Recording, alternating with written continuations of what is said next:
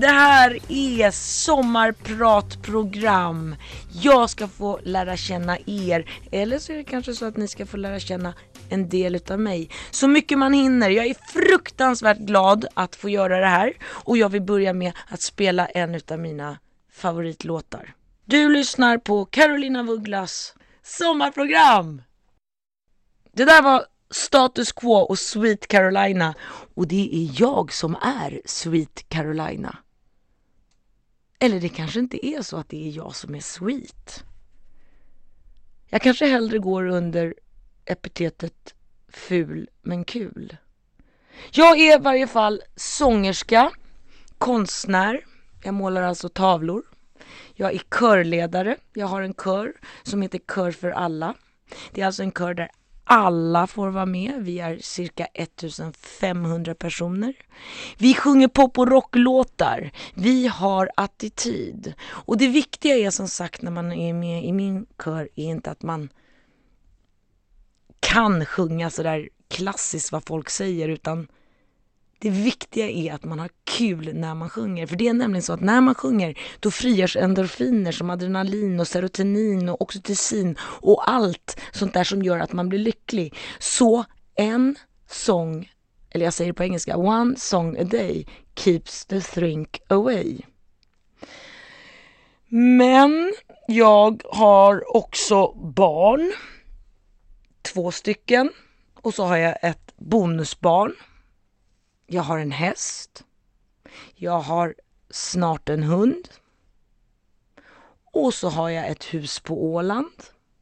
Eller jag kanske inte har det. Det, det, det är min man Heinz som har det. Vi har det. Och då tänker ni så här, är hennes man åländsk? Ja, kanske lite. För hans mormor Vivi, Fanela Nordvall, var det. Mitt jordgubbsland ligger på Åland. Jag älskar jordgubbar och det är nämligen så att på Åland där smakar jordgubbarna dessutom smultron, vilket innebär en mycket mer koncentrerad tillfredsställelse i munnen. På Åland så bor vi i ett litet hus i slutet utav vägen, långt bort i skogen vid vattnet. Vattnet, jag kan inte prata idag.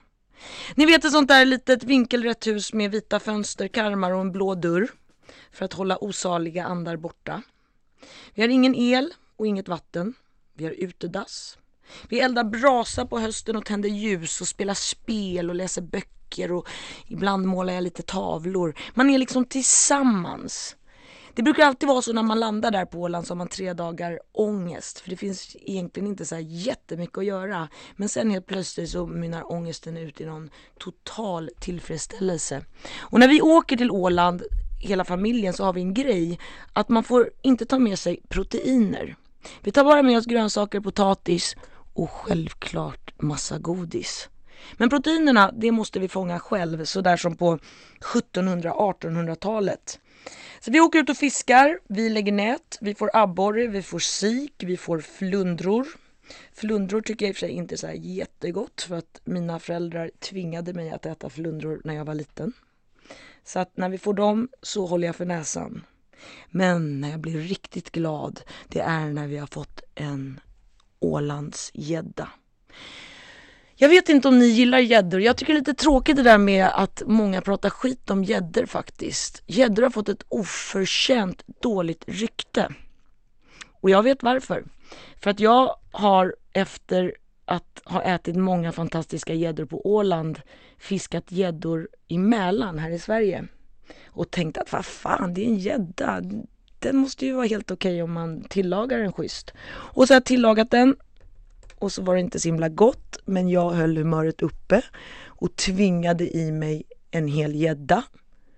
Och sen rapade jag sjöbotten i flera timmar.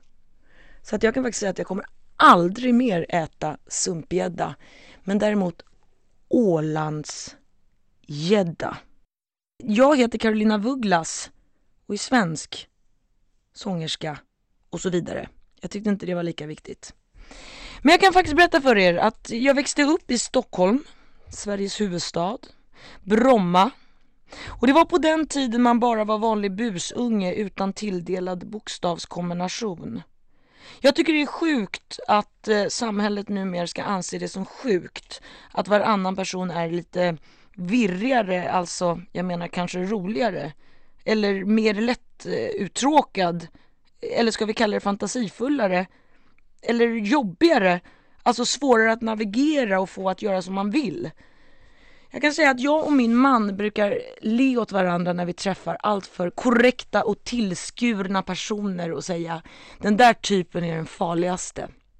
Det där är en sån där som skulle kunna arbeta på Auschwitz.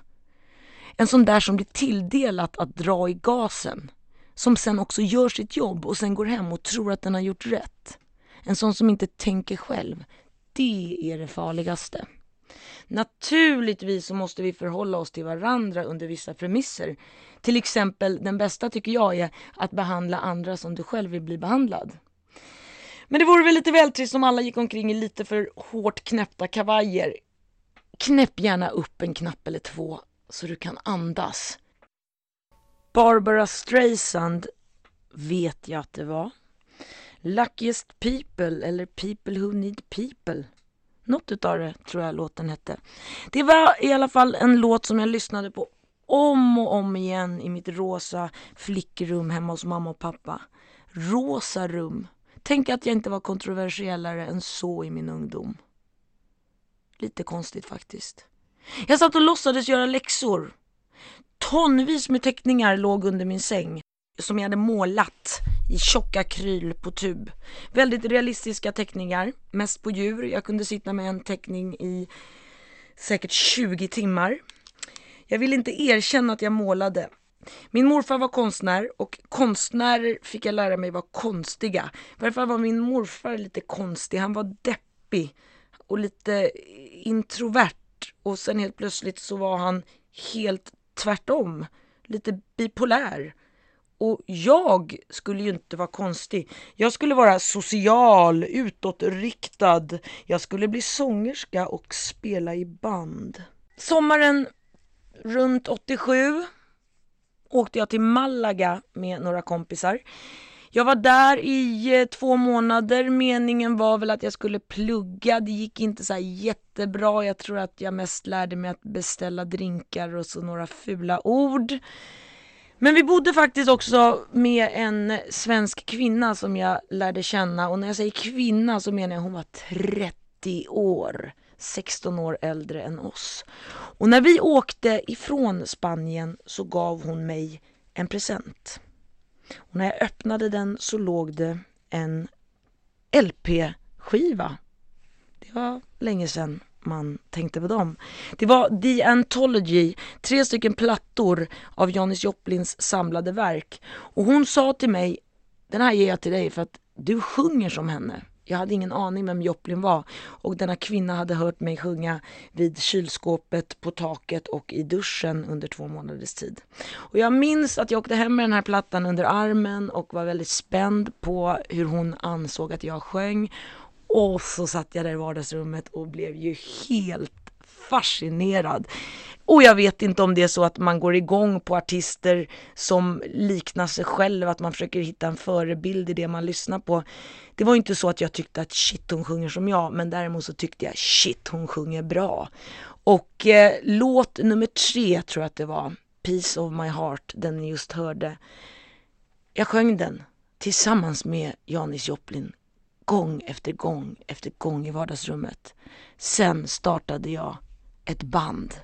Och så repade vi massa Joplin-låtar och så tröttnade vi såklart på det efter ett tag. Men jag kände att jag var inte riktigt färdig att skriva egna låtar så jag gjorde tolkningar på Joplin-låtarna. Alltså, jag gjorde dem på svenska. Men det hamnade i byrålådan och jag gjorde några plattor sen på engelskt språk. Men helt plötsligt 07 så kom vi på att vi släpper plattan med Joplin på svenska. Och det blev 12 låtar utav Joplins bästa.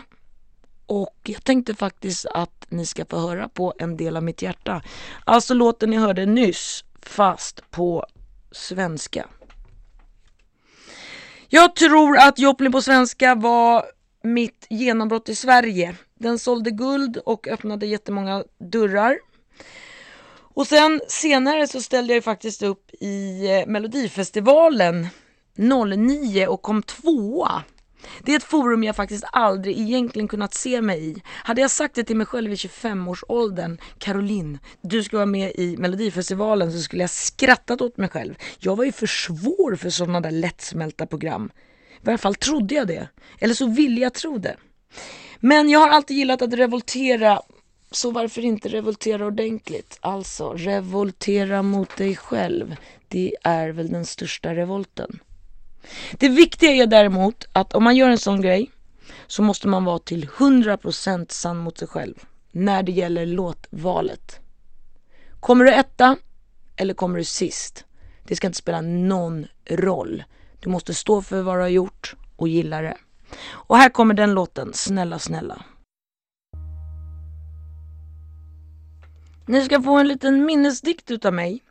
Vad är en minnesdikt? Kanske ni undrar. En minnesdikt är något som alla kan göra och de brukar bli otroligt igenkännande för alla. Alltså att man känner igen sig själv i varandras. Och den här kom till mig kan man säga när jag skrev min bok Hjälp vem är jag under åren 08 och 10. Jag höll alltså på i två år att gå i terapi och klämde essensen ur mig själv. Det var jag och min terapeut, poeten, psykologen Ulf Karl Olof Nilsson som även är kallad Ukon. Vi bandade alla sessioner och skrev tillsammans en bok. Och varför gjorde vi detta?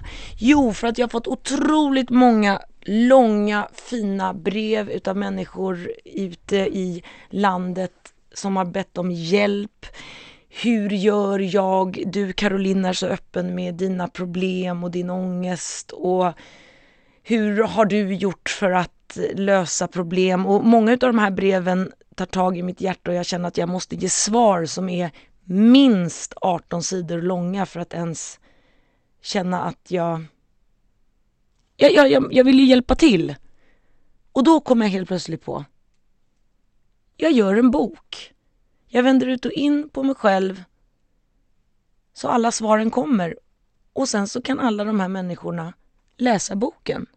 Och sen så kan ju massa andra också läsa boken, även de som inte har problematiken. För man kan ju känna igen sig ändå, för att vi alla är ju väldigt, väldigt lika under solen. Antingen väljer man att läsa boken med pannan i väck och tycka att åh, det här var psykologiskt och tungt. Eller så väljer man att lägga sig med en drink i solen, läsa den och garva. Se den som en komedi och, och bara tänka shit vad sjukt. Jag har nämligen alltid gått omkring och trott att jag håller på att bli galen. Och jag minns redan sedan 20 års ålder och egentligen även innan dess att jag gått omkring och tänkt shit nu brister det, nu brister det, nu brister det, nu, nu blir jag knäpp. Och det här har stört mig ganska mycket och det roliga är att i Idag är jag 40 år och går fortfarande omkring, alltså 20 år senare och ältar samma tankar. Att jag tänker nu blir jag knäpp, nu blir jag knäpp och så blir det som en mind jive. Och nu vet ju jag att jag har lyckats gå och älta de här tankarna i 20 år och jag är fortfarande inte riktigt knäpp så att jag antar att jag kommer känna likadant om 20 år till när jag är 60 och gå omkring och tro att jag blir knäpp. Och då är det intressanta att så länge du tror att du håller på att bli galen, det är då du fortfarande ransakar dig själv. Alltså då du inte är galen. För den dagen du slutar med ransakningen, rädslan att bli galen, det är snarare då du är ute på halis. Det brukar i alla fall hjälpa mig. Så de som går fullkomligt omkring och tror att de har allt under kontroll och är bäst. Hmm, säger jag bara. Nu ska jag ju läsa den där dikten som jag lovade. Och dikt och dikt kanske det inte är, men det är en läxa som jag fick och det var att skriva ner tio barndomsminnen. Det blev elva. Jag öppnar boken och läser för er. Efter samtalet bad Ukon mig att skriva ner flera minnen från min barndom. Jag satte mig ner och lät minnena komma fritt. Här är det som ploppade fram. Jag minns när jag snubblade i en bajskorv och smutsade ner jackan utanför min kompis hus. Hennes föräldrar skulle skjutsa oss till dagis den dagen och det var utflykt så det var bråttom och viktigt att komma i tid. Konstigt nog fick jag inte låna en jacka av hennes föräldrar. De var lite pedantiska, de hade alltid vitt och rosa och var väl rädda att oförsiktiga Caroline skulle besudla jackan. Så de torkade bara av mig snabbt. Blixtlåset var totalmarinerat i bajs. Ingen ville leka med mig för att jag luktade. Jag kommer väl ihåg promenaden när jag gick längst bak i dagisledet. Bara fröken ville hålla min hand. Jag minns när jag satte kycklingskinn i halsen. Mina föräldrar fick hålla mig upp och ner och skaka mig jättelänge. Jag höll på att dö. Sen den dagen hatar jag kycklingskinn. Jag minns att jag fyra år gammal var kär i grannkillen Sverre och låg på rygg på vardagsrumsmattan och filosoferade till någon barnplatta. Jag har flera minnen från lekskolan när jag fick skäll för saker andra hade gjort. Det kom sedan att genomsyra mitt liv. Jag minns badkarsbad med farmor när hon kramade mig torr med handduken och sa burre burre busse. Sen åt vi skorpor med smör.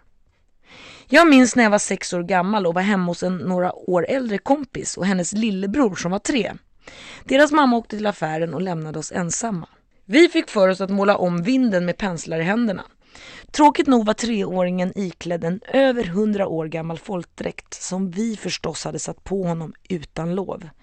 Helt plötsligt märker vi att grabben har ju för fan bara målat sig själv. Den antika folkdräkten är helt vit. Vi får panik. Mamman kommer att döda oss. Vi måste tvätta dräkten och efter försök med diskmedel, tvål, aceton och annat jävelskap som förstör tyget så kom vi på den eminenta idén att alkohol måste ju vara bra. Och hennes pappa var ju faktiskt en whiskysamlare.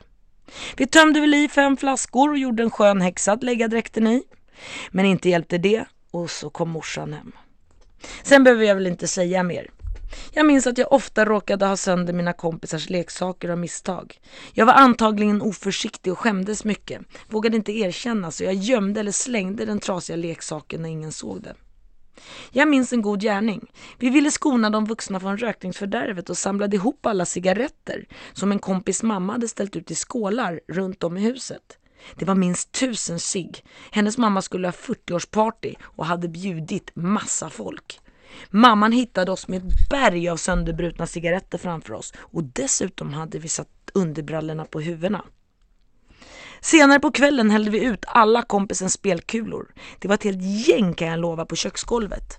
Det var precis innan hennes mamma skulle ta ut steken ur ugnen. Hon halkade givetvis på kulorna och var inte glad. Jag minns tusen djur som vi begravde. Jag minns när jag var fyra och galopperade första gången. Den som ledde hästen råkade tappa taget om den och jag galopperade själv och var mycket stolt. Jag minns att jag många gånger valde att ligga hemma på soffan med mamma och bli kliad på ryggen istället för att gå på kalas eller sova över hos en kompis. Ibland grät jag. Jag tror jag behövde rensa känslolivet redan på den tiden. Jag minns när vi spolade ner hela innehållet i min kompis familjs kylskåp i toaletten och dessutom grejerna i hennes mammas sylåda. Mamman blev väldigt arg och jag förklarade det med att det fanns ett toalettfolk. Vi trodde till och med på det själva och menade att mamman var egoistisk som ville ha allt själv. Jag minns hur jag försökte gömma mig för att få uppmärksamhet. Jag minns att min systers favoritfärg var blå. Min var röd, men det vågade jag ju inte erkänna utan sa att min också var blå som syrrans. Jag minns hur smart jag kände mig när jag sa att jag valde den röda klockan för att vi skulle hålla reda på vilken som var min. Dessutom tyckte hon att jag var snäll. Jag minns att min syster alltid ville leka skola med mig. Båda ville vara lärare, men eftersom hon var äldst fick hon börja. Vi skulle turas om och byta efter en halvtimme. När en halvtimme hade gått ville hon leka något annat istället. Och det gjorde vi. Men sen ville hon leka skola igen och som vanligt skulle hon vara lärare först eftersom hon var äldst. Och så upprepades historien. Hon blev faktiskt lärare sen. Det är nog för att hon har fått träna så mycket på mig. Jag minns en återkommande dröm jag hade som barn. En mardröm om en blodig toalett och en svart katt. Jag minns när jag trodde jag var med barn, med grannen. Jag var typ fem år och vi hade legat nakna på varandra. Jag minns hur jag fiskade hos pappa hur det egentligen gick till när man blev med barn. Han sa att man var tvungen att pussas också och jag kunde pusta ut. Jag minns när syrran gjorde hål i öronen med säkerhetsnål och hur varigt det blev. Jag minns när jag klädde ut mig till fuling och skrämde upp min hund som var världens snällaste och hur han nafsade mig. Vi kände oss båda väldigt förödmjukade. Ja, för att han bet mig och för att han blev lurad att bita mig för han trodde jag var konstig gubbe. Jag minns en gång då jag inte ville äta upp biffen hos en kompis. De hade ingen hund man kunde slänga den till. Och på den tiden var man tvungen att äta upp på fatet, annars fick man inte gå från bordet. Med hjälp av såsen klistrade jag fast biffen på undersidan utav tallriken. Jag fick beröm för att jag ätit upp, men sen när mamman skulle duka av upptäckte hon den fastlimmade biffen och jag hörde ett vrål från nedervåningen. Jag minns när jag var hos en konstig kompis. Hon och hennes syster var ganska elaka och jagade mig och skulle sätta nagellack på mina ögonlock. Jag minns att jag var rädd på riktigt. Jag minns när en kompis till min syster lurade mig och min kompis att slicka varandra i frammen. Det jäkliga var att vi gjorde det och jag kan inte förstå att de fick oss att göra det. Jag har fortfarande kvar smaken i munnen, usch. Jag minns att jag och min kompis hade hångelonsdagar och låste in oss på toaletten och juckade. Jag minns och jag minns och jag minns. Denna låt är ju en sån otrolig favoritlåt från min allra första kärlek. En norrman. Jag hade ett långt förhållande, kanske två år. Men det visade sig att han var psykopat. Jag testade också en svensk i fem år. Och han var också knäpp. Sen var jag tillsammans med en dansk för att se om gräset var grönare där. Men det funkade heller inte. Och så äntligen fann jag en ålänning, Heinz Liljedahl, Jackpot. Gifte mig och lever lycklig i alla mina dagar. Tack så jättemycket för att du hörde mitt sommarprogram. Jag heter alltså Carolina Vugglas och önskar dig en underbart trevlig, fortsatt solig sommar.